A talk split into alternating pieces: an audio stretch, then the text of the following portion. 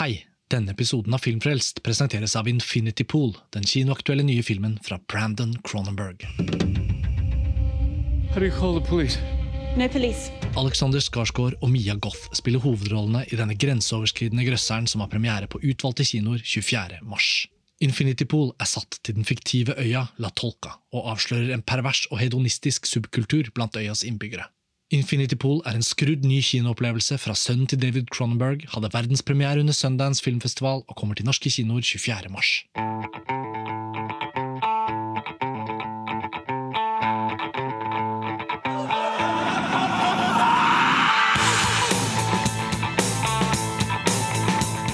Velkommen til Filmfrelst, podkasten fra nettmagasinet montasj.no. Jeg heter Martin Sivertsen. Jeg sitter her på Skype med min gode venn Erik Fogel, film- og TV-produsent i Tordenfilm. Hei, Martin. Hallo. Hallo, hallo. Um, ja, det blir jo en litt spesiell episode her. Uh, vante lyttere av Filmfrelst vil jo legge merke til at uh, og kanskje reagere på at det ikke er Karsten Meinick, den uh, vanlige, regulære programlederen, som sitter her bak spakene. Um, men de som har vært med oss enda lenger, husker jo at det var en tid da det var vi som satt sånn her, Erik. Yes, da snakker vi sånn hva var det? 2010-style? 2009? Ja, det begynner å bli mange år siden, altså.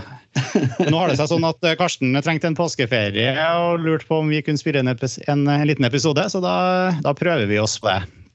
Og vi skal ha en um, seriefokusert uh, filmfrelst, en seriefrelst variant. Yes, Vi skal snakke om TV-serier som har liksom blitt vårt det har liksom blitt vårt domene her da, på Filmfrelst etter at vi i hvert fall jeg har kapitulert på å følge med på alt som skjer på filmfronten. Jeg Ikke at jeg følger med på alt som skjer på TV-fronten heller, men det har liksom blitt vår liksom nisje i denne podkasten. Og vi, denne episoden her kommer til å, i sin helhet å handle om påskekrim. Ja. Nei, den gjør ikke det. nei, den skal handle om ting vi har sett i det siste. Vi skal bl.a. snakke om The Last of Us, og vi kommer til å gjøre det på en måte som forutsetter egentlig at du har sett serien og seriene vi snakker om. Og det kommer sannsynligvis til å bli noen spoilers. Så hvis du ikke har sett The Last of Us, så anbefaler vi kanskje at du ikke hører på denne episoden her. Så vi begynner der med The Last of Us. TV-serien basert på dataspillet av samme navn som er lagd av spillselskapet Naughty Dog, som også er kjent for bl.a. å ha laga en, en, serie som heter Uncharted, som også er en sånn cinematisk spillserie. Og det her er spill som kom på PlayStation først, og etter hvert er også tilgjengelig på, på andre plattformer nå. Da. Det som skilte spillene til, til Naughty Dog her fra en del andre spill som var, var store og toneangivende på den tida her. Altså store, åpen verdensspill hvor du kunne liksom springe rundt og gjøre hva du vil egentlig i en stor spillverden, som i, i Grand Theft Auto er kanskje det beste eksempelet på det.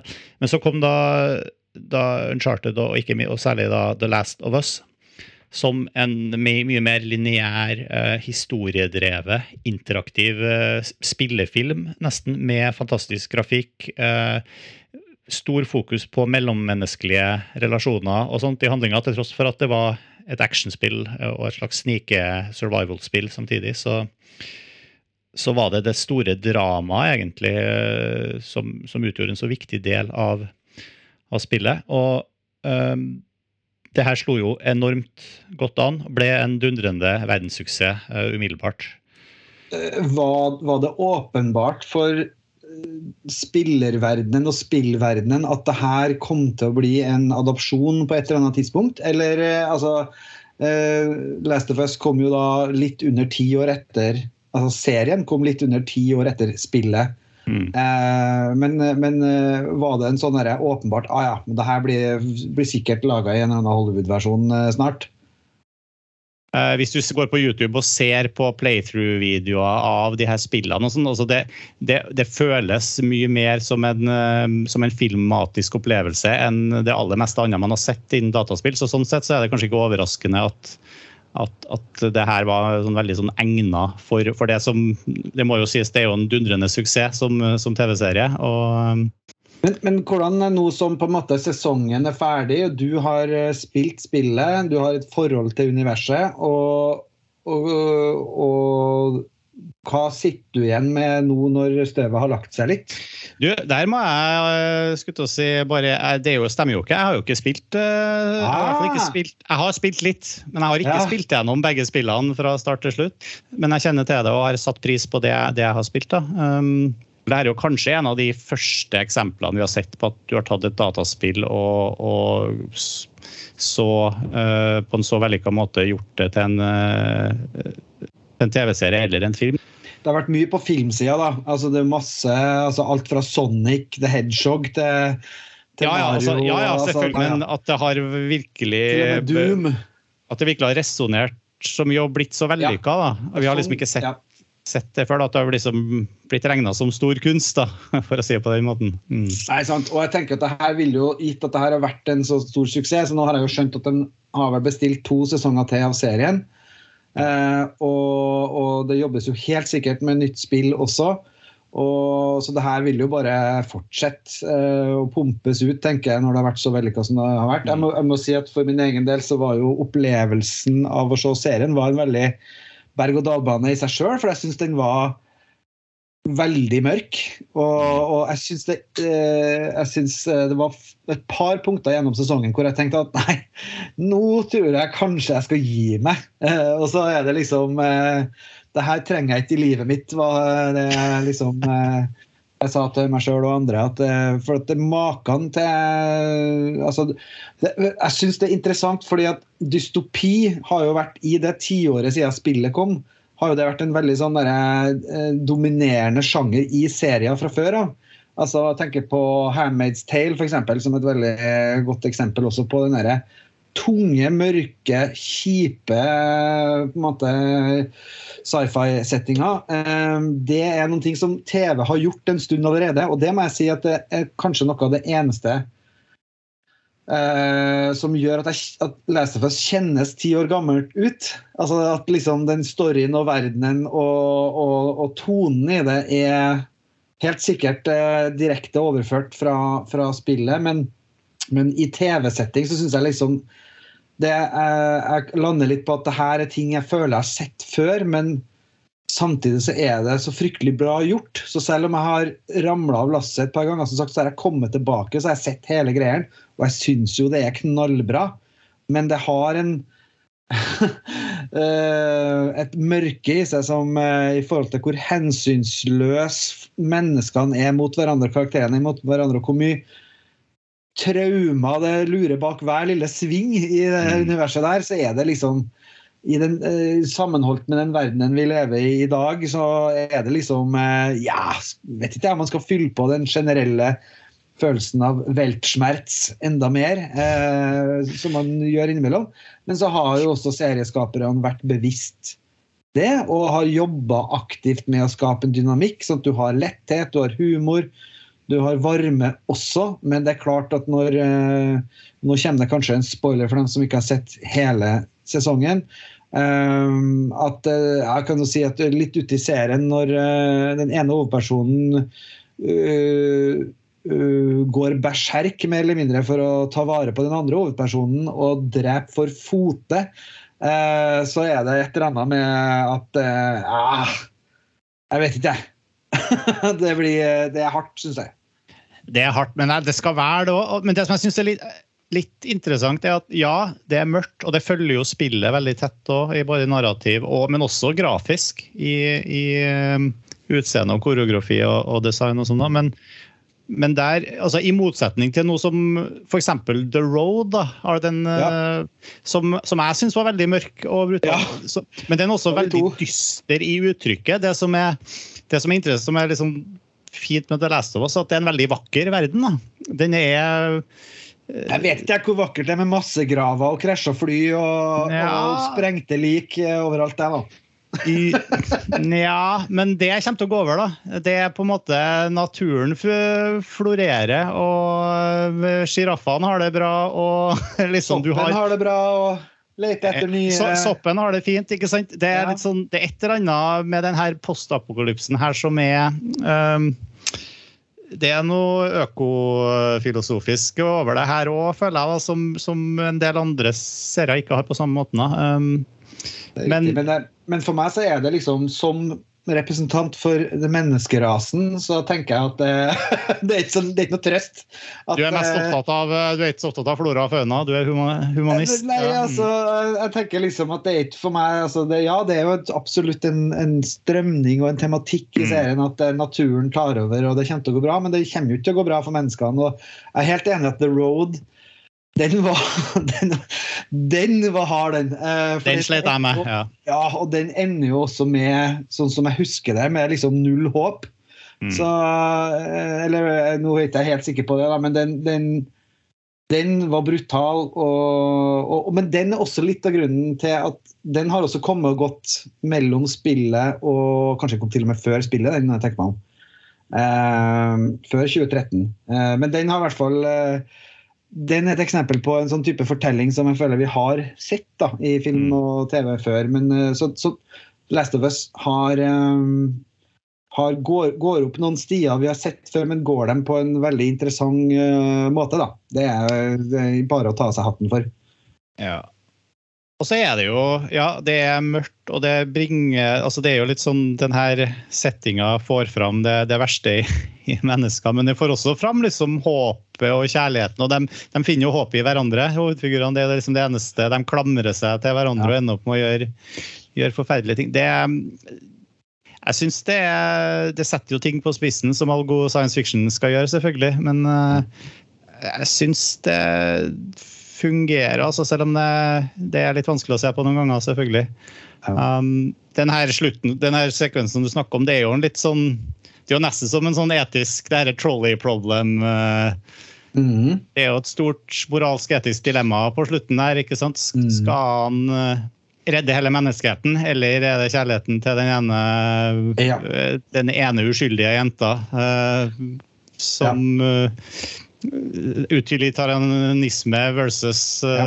enk- enkeltes livsrett, eller hva man nå skal kalle det. Det, Ja. det ligger noe der som er spennende, og som er liksom en slags, det er en slags morbid variant av den tekstbok tekstbokproblemistinga, Ja, ja, absolutt. Men så som er altså- spennende. ja. Ja, men så er de jo I, i fortellinga i den sekvensen så skrur de ned lyden, kjører opp musikken og estetiserer det på, på en måte som jeg også syns er manipulativ da, i forhold til liksom det som faktisk skjer. Det får en veldig sånn myk, et mykt teppe. Det er pakka inn i det som er et massedrap. Eh, som eh, som jeg får problemer med, altså. Men det er liksom en sånn Akkurat den sekvensen eh, Men det var en vond sekvens. den, den er fryktelig, altså. Men nei. Eh, det som jeg synes er veldig kult nå, Martin, at nå har jeg, ser jeg en mulighet til å lage en helt fantastisk overgang til å snakke om et annet umake par i en annen science fiction-serie som vi har sett litt på i det siste. Er det et annet, foreldreforhold? Ja, det er det. Ja, det var det, det som er det. Annet adoptivforeldreforhold, kan vi kalle det. Nettopp. Jeg tenker i samme bane. Ja, for jeg tenker jo at uh, der hvor uh, Din Jarin og Grogu sitt, uh, sine vandringer har jo også kommet tilbake nå i vinter, egentlig litt sånn på halen av The Last of Us. Så har to nye nye, et nytt umakt par kommet, og, og, og vi er midt i en sesong med The Mandalorian, som er sesong tre. Star Wars-serien mm, The Mandalorian. Um, og der har vi jo ja, Hva har det blitt til der? Det som starta som en sånn derre uh, ukentlig ukas eventyr med dem to, med en litt sånn litt vag, lengre bue som uh, konkluderte i slutten av sesong to. Så har de gjort en slags sånn restart i sesong tre, hvor eh, La oss eh, kalle Grogu for eh, Baby Yoda, for å være sikker på at alle vet hvem vi snakker om. Men, um, men hvor eh, Baby Yoda, og, eller Grogu og beskytteren eh, hans, uh, som er The Mandalorian, uh, har kommet til et nytt sted i, i livet, dem òg. Og uh, hva syns du så langt? Ja, nei, Det er jo også et par, det er jo en slags postapokalypse. Det er jo et samfunn i kollaps, i hvert fall. Som, mm Mhm. Nei, altså Jeg må jo innrømme at den første jeg tenkte jeg begynte å se den nye eh, sesong tre her, var at etter å ha vært gjennom den fantastiske serien Ander og kom tilbake til Plutselig så føltes The Mandalorian eh, ganske rett og slett For å være litt, litt platt og billig ut. Og Det er ikke for at jeg ikke setter pris på det fortsatt, og, og jeg syns det, det, er lekent ålreit, men jeg har slitt med å engasjere meg. For jeg syns det er litt for lettvint og litt for innholdsløst. Og, og, kanskje den, bare for å nevne ett eksempel på hvor jeg virkelig, virkelig følte at det her, nå er det bare Nå kjører vi litt på tomgang her. Det var da i den siste episoden når de her piratene rykker inn på planeten så, Navarro. Så, så, tar jo, så tar de jo med seg befolkninga ut i ørkenen. Og da er det liksom, er det, liksom, det er 15 folk som bor i den byen. det er liksom Det, det, og, det, ja, det blir liksom platt, da. Og, og, det, og det, er jo, det, er jo, ikke en billig serie. Den er jo kjempedyr, men den, den føles plutselig øh, litt sånn øh, Ja. Den har ikke det samme appellen på meg lenger, da, eh, merker jeg. Jeg er veldig enig i mye av det du sier. Det kjennes ikke bare har vi vært gjennom Andor, som på en måte virkelig var noe for seg sjøl, og som hadde en dybde og en tyngde. så Vi har også vært gjennom to langt mer ujevne serier i The Book of Boba Fett og ja. Obi-Wan, som kom imellom sesong to av The Mandalorian og sesong tre. Og jeg må si jeg er ikke så imponert over den skrivinga i sesong tre, altså. Og um, det er mye som er Uh, og det er at Samtidig med at den ruller ut nå, så er det jo en annen Star Wars-serie som går parallelt. Litt sånn i skyggen av The Mandalorian. og Det er den animerte serien som heter The Bad Batch. Og den, den er jo uh, I utgangspunktet tenker man at den er sikkert uh, for enda litt sånn yngre publikum og, og, og sånne ting. Men, men jeg syns det er påfallende, for de, de, kommer med nye episoder hver onsdag, samme som Mandalorian. Så jeg kan se en Mandalorian-episode som er ny. Og så kan jeg se en eh, Bad Batch-episode som er ny, rett etter hverandre. Og så er skrivinga så utrolig mye bedre i Bad Batch. Ja. Eh, så den Det kan også bare si som en sånn, eh, et, et tips at det går an å, å, og se et annet eksempel på en vellykka Star Wars-serie i å se den serien. Eh, nå er den nettopp hatt sin sesongfinale, og den er den var langt mer eh, emosjonell enn noe av det som har vært hittil i eh, Mandalorian sesong tre. I hvert fall. Så Bad Batch sesong to er veldig bra. Og det er ganske fort gjort å gå tilbake til sesong én og starte derfra. Det er ikke noe som man trenger å ha noe tidligere forhold til animert Star Wars for å kunne få noe ut av. Det er greit å si, for jeg har ikke sett masse masse Clone Wars og um, Rebels og de seriene som finnes der uh, i, mm. som går 15 år tilbake i tid, eller mer til og med. Det er jo et enormt volum der. Nei, men eh, Bad Batch er, er, er slett ikke dårlig, altså. Det er interessant, for, for, at, for det, er jo, altså det virker som de har lite å fortelle ja. i Mandalorian. Ja, rett og slett. Og, og det, er jo en, det, er jo, det var jo en episode der hvor du var litt over i sånn Litt sånn eh, på innsida av The New Republic og var ja. litt uh, på i kontorlandskapene der. Litt sånn à la Andor, egentlig. Ja. men det var bare bare kjedeligere og billigere. Kjedeligere og billigere, og veldig sånn fulter til bulter fortalt. Uh, det var med de andre episodene her, så Og så er livredde for å miste kjernefansen, så de måtte ha en Tie Fighter-battle først i episoden, og litt Grogu til slutt. Så de, de, de, tenkte nå lager vi en historie som er et lite en sånn, en, altså en sånn en, eh, en, en slags one-off, en slags sånn sidespor. Følge en annen karakter eh, i, fra A til Å i et lite forløp. Og så klarer ikke de å dy seg likevel. De må på en måte pakke inn det med litt sånn kjent og kjært eh, opplegg òg. Så den kjennes litt vaklende, altså. Og, og ja, nei, så det er bare Der tror jeg vi er veldig på nett. At det kjennes Vi har sett det før. Eh, og det har en eh, Ja, det er litt varierende formkurve fra episode til episode. Det fins fortsatt gode ting og gøye ting, men det er innimellom for lettvint. Ja. Rett og slett. Enig. Ja, vi hadde en ting på lista. og Jeg vet ikke, her heller, jeg husker ikke hvor mye vi har å si om det, men eh, ja. nettopp nå forrige uke så starta jo, eh, jo Succession opp igjen. På HBO, det òg. og det har bare kommet én episode foreløpig Ja. når, vi tar opp her. Men det var jo øh, veldig artig, syns jeg. Og det er jo en kjempegøyal serie, egentlig, først og fremst. Samtidig som det slår meg jo også hvor Når vi er nå i er det, Nå må jeg tenke meg om, er det fjerde Det er fjerde sesong. Første episode i fjerde sesong. Det slår meg hvor, hvor statisk den serien egentlig er. da. Hvor, hvor lite som har skjedd. For anslaget i første sesong var på en måte at han her Logan, mogulen, skulle dø. Og, og barna og arvingene og de håpefulle flokker seg og, og begynner en slags uh, maktkamp, dogfight med hverandre om, om farens gunst og alt det. Det er jo en herlig satirisk mørk komedie, hele greia. Og det er jo en fryd å se på på en måte. Samtidig så er det lite som skjer i serien. Ja. Fra, det er lite utvikling, da. Ja. Og jeg er veldig glad for at det har blitt eh, bestemt at det her er siste sesong, for det tenker jeg var, det var helt nødvendig. Jeg syns at eh, jeg synes akkurat det samme, at det må få en eller annen form for avklaring snart i den familien her. For at det, de, vi, har, vi har sett tre fulle, så rike, gode, spennende, morsomme eh, til dels også eh, veldig underholdende sesonger hvor det har vært forskjellige allianser, forskjellige liksom omstokkinger på, eh, på, på hvem som eh, er på en måte på lag med hvem i den familien og dem rundt. Og det er på tide å lande. Og, og det syns jeg også det var godt å vite i det man gikk inn i, i starten, at det, her er, at det på en måte er starten på slutten. da.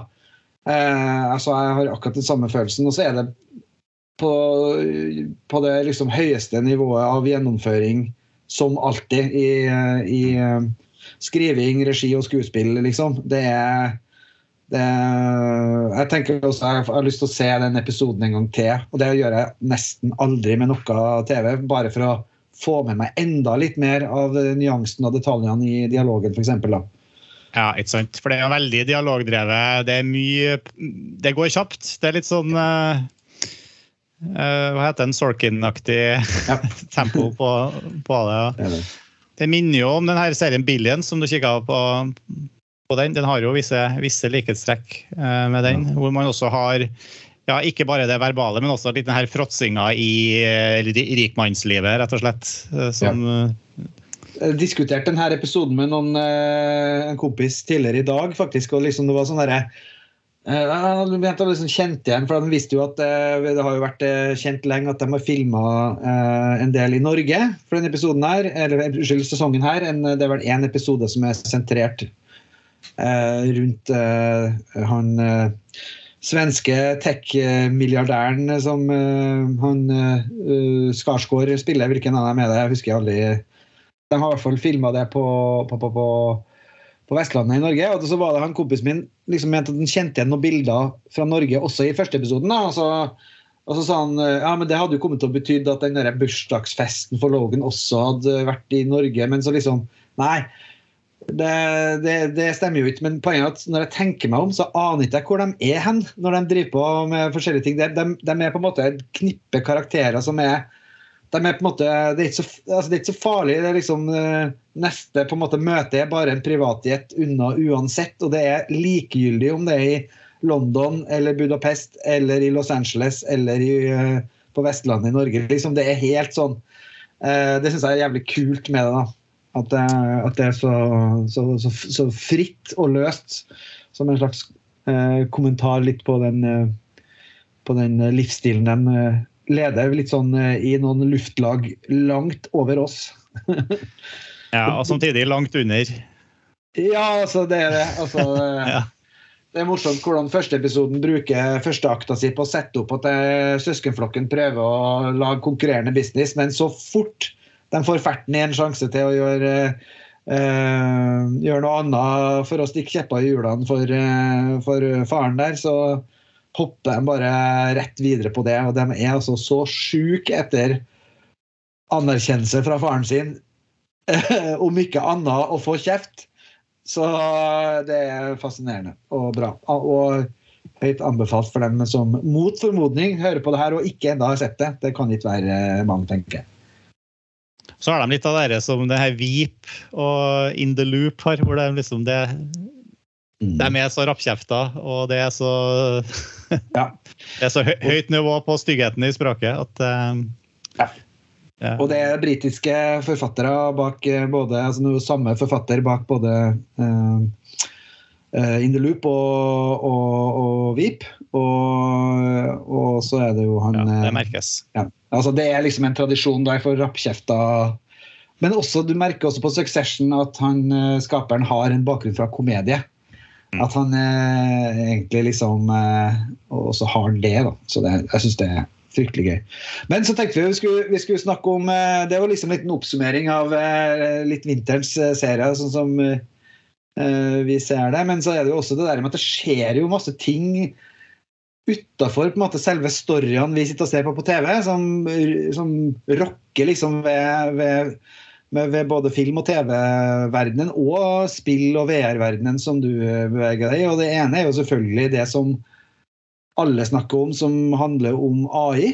Eh, fordi det vil jo En ting at det har vært mye snakk om lenge, jeg trenger ikke å repetere det, men den derre fram og tilbake med hva de chatbotene kan bety for eh, manusutvikling og, og sånne ting. Der så jeg forresten at eh, forfatterfagforeninga eh, i USA, Writers Guild, har eh, kommet med en sånn uttalelse hvor de sier at de aksepterer at det har vært brukt AI-verktøy i, eh, i eh, skriving av manus, så fremt det er mennesker som er kreditert til slutt, og som har hatt eh, styringa på det.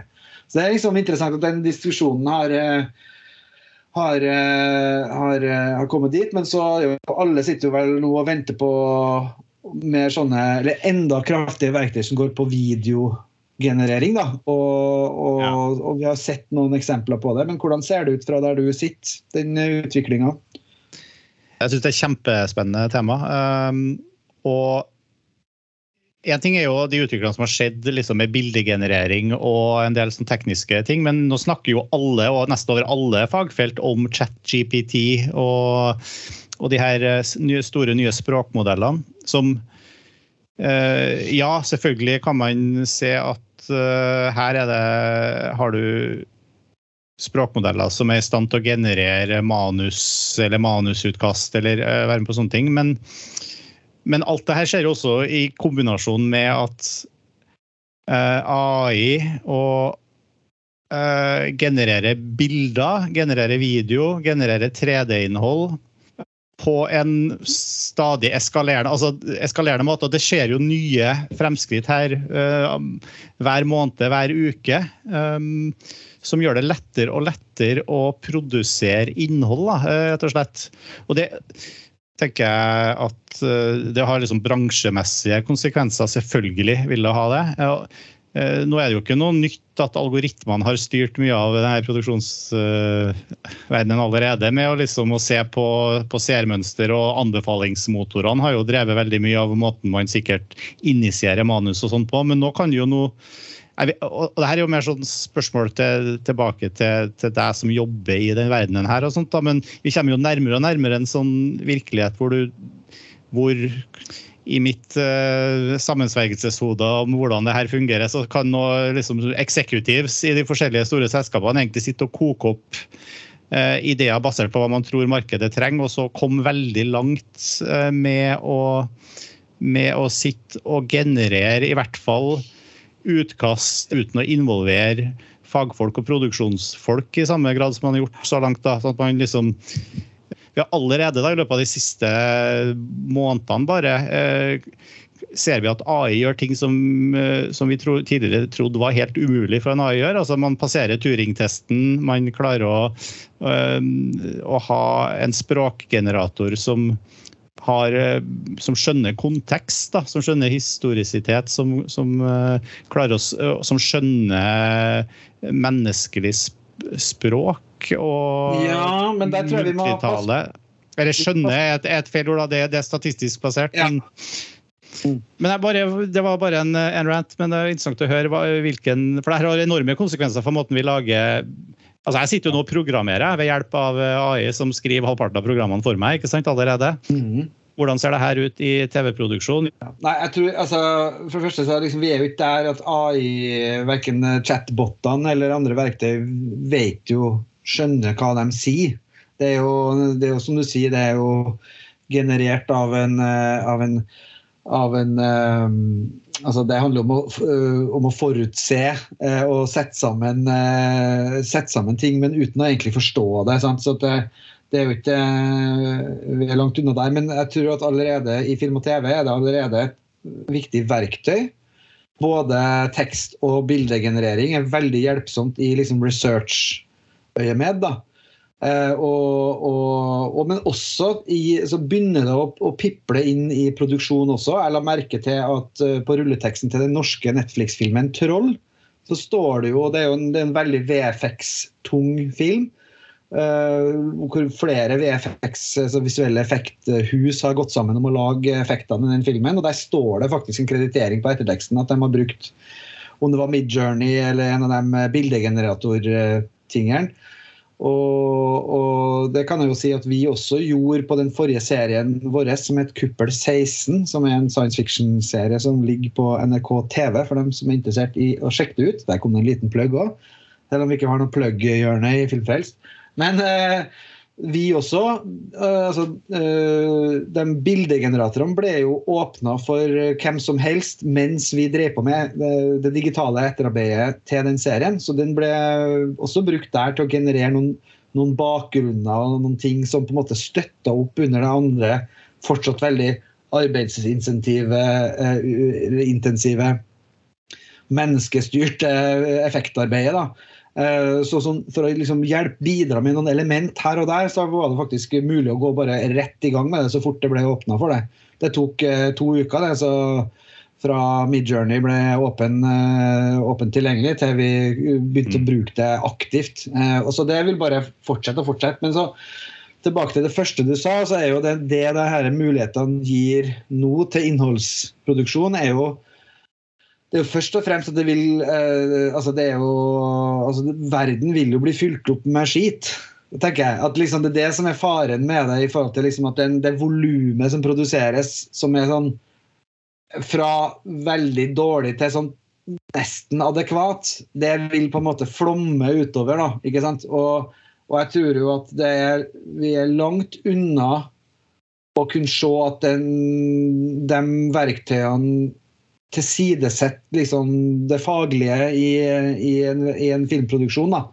Eh, som du også påpeker, at det, altså, jeg tror alle går og venter på den første spillefilmen. Kanskje når jeg tenker meg om, så kanskje jeg har sett en nyhetssak om det allerede. Den første spillefilmen som er først liksom manus generert av en chatbot. Ja. Og så bilder og video generert av uh, andre AI-verktøy. da.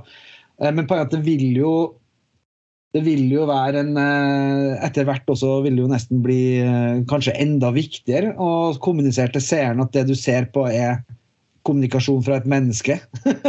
altså at det nettopp det kan bli en, eh, en, en slags, ja.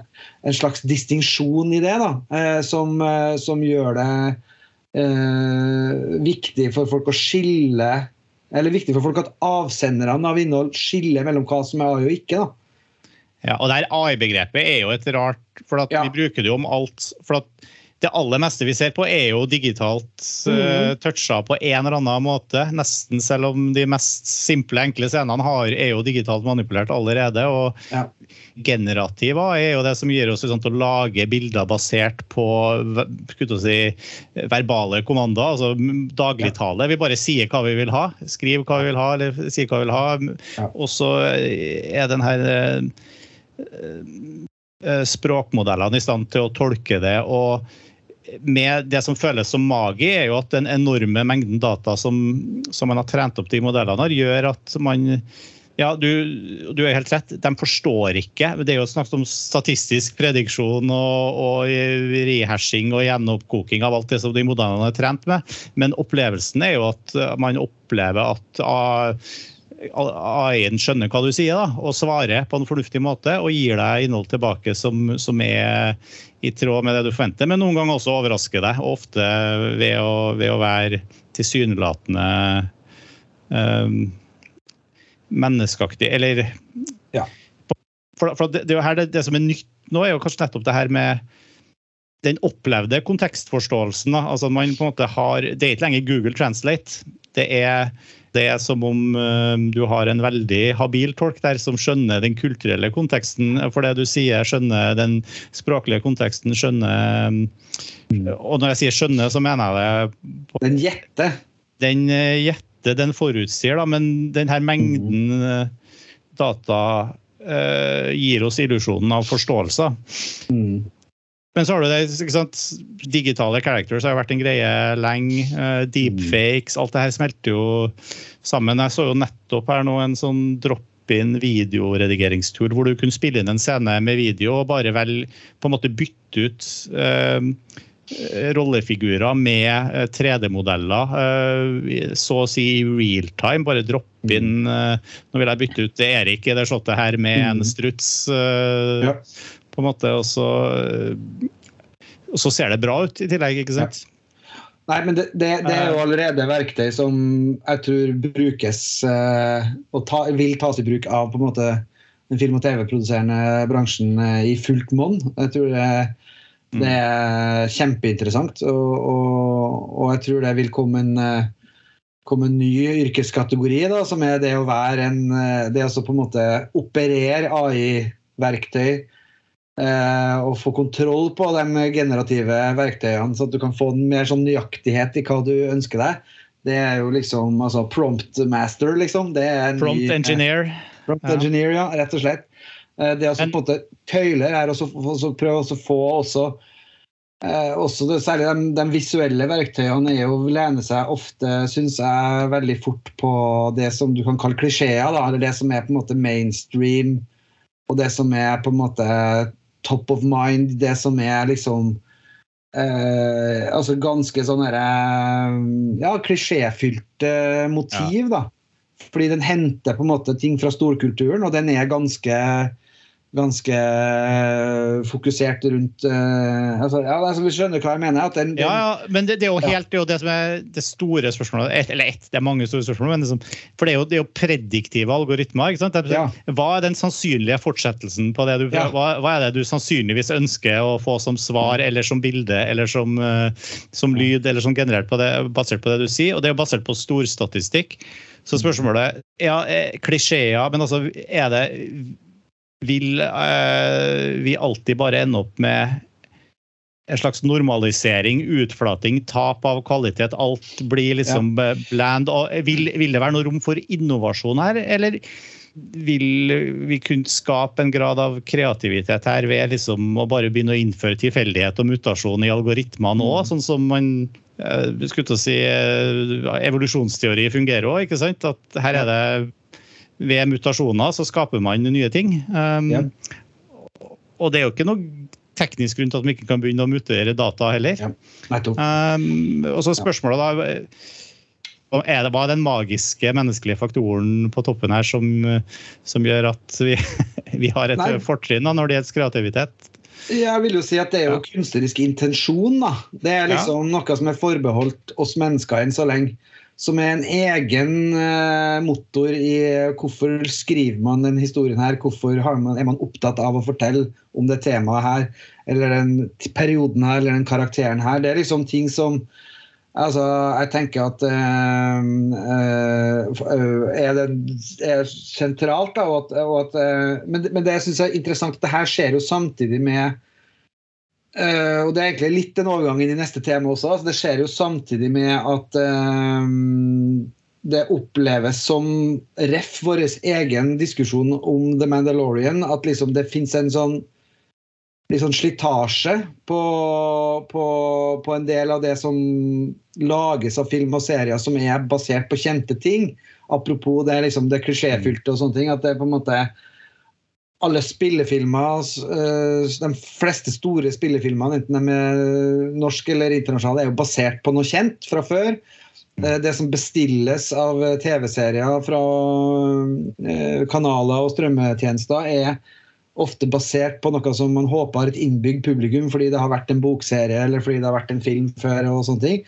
Og det er noe som begynner å det begynner å rakne litt. da, eh, og, og, Nå baserer jeg meg litt på å følge med litt på debatten i USA, da, hvor på en måte Det skjedde jo for 20 år siden, så flytta jo alle de flinke forfatterne jeg var lut lei av å bare lage oppfølgere og prequels og ting som var basert på kjente ting for eh, Hollywood på kino. Flytta inn i TV-skriverommene og fikk, fikk uh, utfolda seg på en helt annen måte der og skapt den uh, liksom gylne The Golden Age uh, of Television, som hadde Sopranos og Mad Men og, og Six Feet Under og, og, og de tingene der. The Wire, kan du også si. Men nå begynner også det samme å skje på seriefeltet. At nå er også veldig mye av det største og mest mainstream tingene som lages, er kjente merkevarer. da, eh, som, eh, som kort, Samme kortstokken stokkes om på nytt og på nytt, sånn som vi ser i Star Wars. Ja. Tenker, og, og, der, og, der, er jo det måten AI eh, ja. blir trent opp på, vil jo i utgangspunktet bare forsterke det. For de er, jo, ja. de er jo trent opp på å sweepe internett for innhold og strømme. og og nå blir jo internett eksponentielt eh, større og større i, i, ren data ved å bli fylt opp av AI-generert innhold. Så man begynner, er vi i ferd med å ødelegge både internett og alle innholdskanaler for oss sjøl ved, ved å ja. Eh, ved å, ved å autogenerere ja. Ja. bare masse, masse forflata crap. da. Det er jo en, en dystopi her. ja. Samtidig så sånn, jeg, nå baserer jeg meg litt på sånn eh, litt på, Jeg har ikke liksom kilde, jeg har ikke kildene på rappen her, men altså, det sies jo at at sånn som f.eks. Mandalorian sesong 3 går dårlig. Altså mm. at det går, altså Disney deler jo alle sånne tall, men at liksom de uh, tredjepartsselskapene som sitter og følger med på hva det som sees på og strømmes, altså det går ikke så bra. Og det er liksom Jeg tror også det samme skjer i spillefilmen med liksom uh, Marvel-filmene også. Begynner å også på en måte gå tom for bensin. Og selv om de selv den siste Antman-filmen var en uh, stor film, så er den en skygge av det som det har vært. Og, så jeg tror, og Det handler også om forflatning. Og De er produsert fort, og de, vi snakker om Mandalorian som en lettvekter. Uh, og det er til syvende og sist utilfredsstillende med denne forflata kulturen for publikum. Da, da, vil, en, da vil man velge andre ting å bruke tida si på. Så jeg tror at det vil tvinge seg fram en reaksjon imot det her. da. Jeg tror det vil tvinge seg fram eh, et behov, et skrikende behov for originalitet. Eh, og, og som, som, på en måte For å få på en måte reboota egentlig hele film- og TV-feltet. Og det tror jeg også vil bare være forsterka det behovet av nettopp det vi snakker om med AI og den flommen av innhold som vil komme, da, og som nettopp vil være innafor en viss på en måte forflata liksom, greie, da, for å bruke et veldig upresist ord. Og da, og da øh, men, det tar, men, det vil ta litt tid også. Det er ikke sånne ting som er gjort på en, i en håndvending, det. Men, øh, men jeg har trua på det. og Hvis ikke så taper jo på en måte både kinoen og strømmeplattformer og Altså, da tap, mister vi publikum, da. Ikke sant? Så da, da, vil de gå andre steder for å finne underholdninga si, og for å bli rørt og overraska og forbanna, og at det man blir av eh, godt drama, da.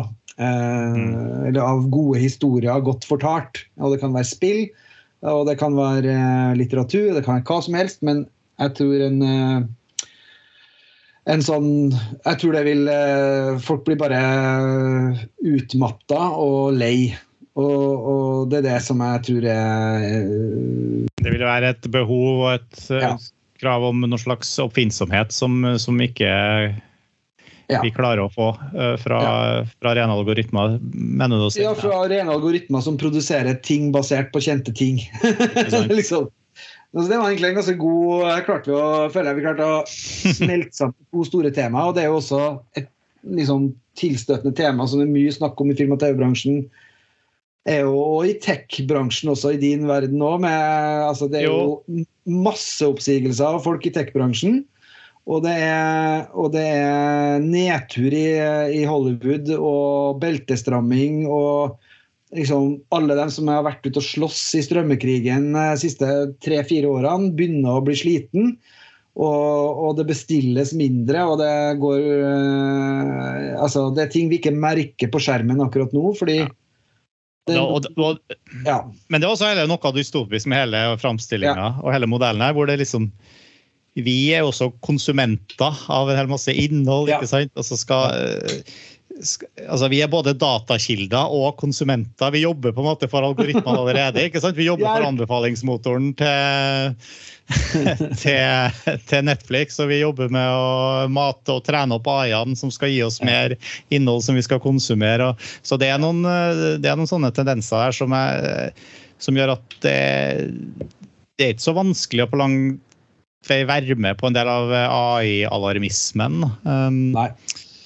Men jeg tror samtidig at det er ganske åpent. da. Jeg tror det er ganske sånn hvordan det her skal Jeg, jeg, jeg, jeg er ikke noen sånn kjempedystopiker på det, men, eh, men, eh, men eh, det er ikke litt sånn klassisk trøndersk ting å si at det går seg til. det går seg. Og så gir det jo fantastiske muligheter. Så Nei, jeg er- tenker også ja. I hendene på rette fortellerne så er det jo helt fantastiske verktøy. Mm. Bare å holde seg fast for eh, flommen av innhold. Men det blir, liksom, da blir den kurateringa viktigere og viktigere òg. Da blir den praten med hva har du sett i det siste som er gøy? Eller hva har du?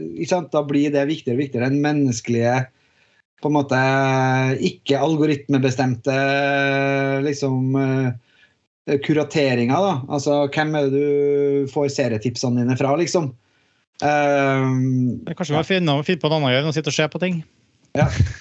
Men apropos serietips, da. Det er jo bitte liten Vi har kikka bitte litt framover på året som kommer og ting som er på gang. Og det er jo, det er jo eh, liksom en, en liten liste med ting som i hvert fall jeg gleder meg til, og som eh, som eh, Ja, som det, ironisk nok er jo flere av dem basert på ting vi kjenner fra før. Men jeg vil jo trekke fram at jeg har veldig store forventninger allerede til den nye Alien-serien som eh, Noah Hawley skal drive og lage akkurat nå.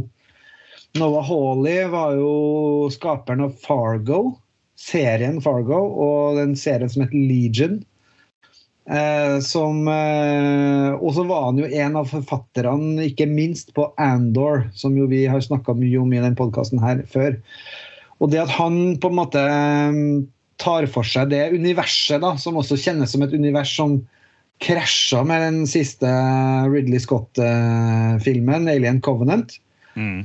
Hvor det liksom bare Den har bare, det har bare sklidd helt ut. Så trenger den liksom en reset. Og tenker at apropos det å gi liksom eh, nøklene til noe, til noe, noe kjent, eh, sånn som f.eks. Star Wars-nøkkelen som eh, ble gitt til Andor-skaperne, så er liksom her har eh, alien-nøklene blitt gitt til en kar som jeg tror kan gjøre noe ganske fascinerende med det. da.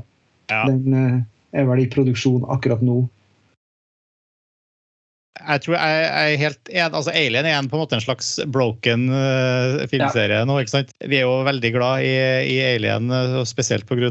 de, de første par filmene. Men, uh, i likhet med Star Wars, vi trenger en Andor i, i Alien-franchisen. og, og, og kanskje er det her uh, er det lov å håpe at, at det her vil, vil, uh, vil gi oss det. da. A new hope. En nytt håp. Um, ja. Jeg, har, eh, jeg velger å roe ned forventningene mine. Jeg var jo ikke så veldig begeistra for de nye Ridley Scott-filmene. Nei. og- Ikke jeg heller. Men, eh, men nå holder de det ned på jorda, har jeg skjønt. Ja. Og det foregår før den første Alien-filmen, tror jeg. Eller i hvert fall så er det i hvert fall uh, tidlig i, uh, i den tidslinja. Mm. Um, men jeg vet ikke så mye mer om det. Men jeg tenker at ja, det kan jeg tenke meg å se som gammel eh, Alien-fan, i hvert fall i det minste. Uh, og så fortalte du at det skulle være på trappene en, en eh, ny Breaking Bad-spin-off etter at Better Call Saul uh, takka for seg. Ja, jeg er litt usikker på hvor, eh, hvor bekrefta det er, men det har jo vært rykta en stund at det skal komme en Gus. En, altså en serie basert på Gus. Gus Fring. Mannen med kyllingrestauranten. Som var- en viktig character i Breaking Bad, men også i Better Call Saul. Og, som er en av de kule rett og slett en av de kule rollefigurene i, i Breaking Bad-universet. Så, eh, men eh, det har Jeg har ikke sett noen offisiell annonsering på at det kommer, men det har vært såpass mange sånne drypp. Funnet ut at han, eh, han Giancarlo Esposito som spiller karakteren, er i hvert fall veldig keen. Han spiller jo også i Mandalorian, Ja. selvfølgelig. Moff Gideon. Og, Ja. hva- Men hva er det som skjer med det? At liksom de største seriene er spilt, har de samme hovedrolleinnehaverne? Pedro Pascal i Last of Us og som Mandalorian, som er liksom to av de seriene vi sitter og snakker om her i dag. Og vi er jo selvfølgelig, vi skummer jo overflaten av det som går på, Mm. på strømmetjenester, men likevel eh, er det så lite å ta av at eh, Ja, altså Det verste er at det er jo ikke det. Det er jo masse bra som lages som, uh, som jeg har uh, på lista mi, men som uh, altså det, det jeg egentlig ønsker meg kanskje mest av alt, det er jo noe som jeg ikke helt vet hva er ennå. Altså sånn, en ty- så for eksempel The Bear, da, som kom i fjor. Mm. Litt ut av ingenting. En serie som sammen med Andor var det beste jeg så i fjor. Eh, og, og hvor på en måte friskheten og originaliteten eh, og, og Nei, det var, det var ikke basert på noe kjent i det hele tatt. og, og, det, man- og jeg har også hatt litt samme opplevelsen med Reservation Dogs. Nå er ikke den en ny serie lenger, det har gått to sesonger. Det var, hadde litt samme følelse med Atlanta da den var ny. Den har jo gått ferdig etter fire sesonger. Det kommer jo innimellom sånne ting, men jeg er jo litt redd for at akkurat nå, i den derre skvisen vi er i nå, med, med som, som, som sagt utmatta strømmekrigere, eh, så blir det mye mer safing og mye mindre sånne, sånne type prosjekter som slipper gjennom. da. Så og igjen, Vi sitter ikke og merker det nå, men om et år så kan det være eh, mer tydelig for oss som seere at, eh, at eh, man har gått inn i en litt strammere tid, da, hvor ikke nødvendigvis Du nevnte før vi tok opp begynte å tape her, Erik, en Ja. mulig streik. Hva var det?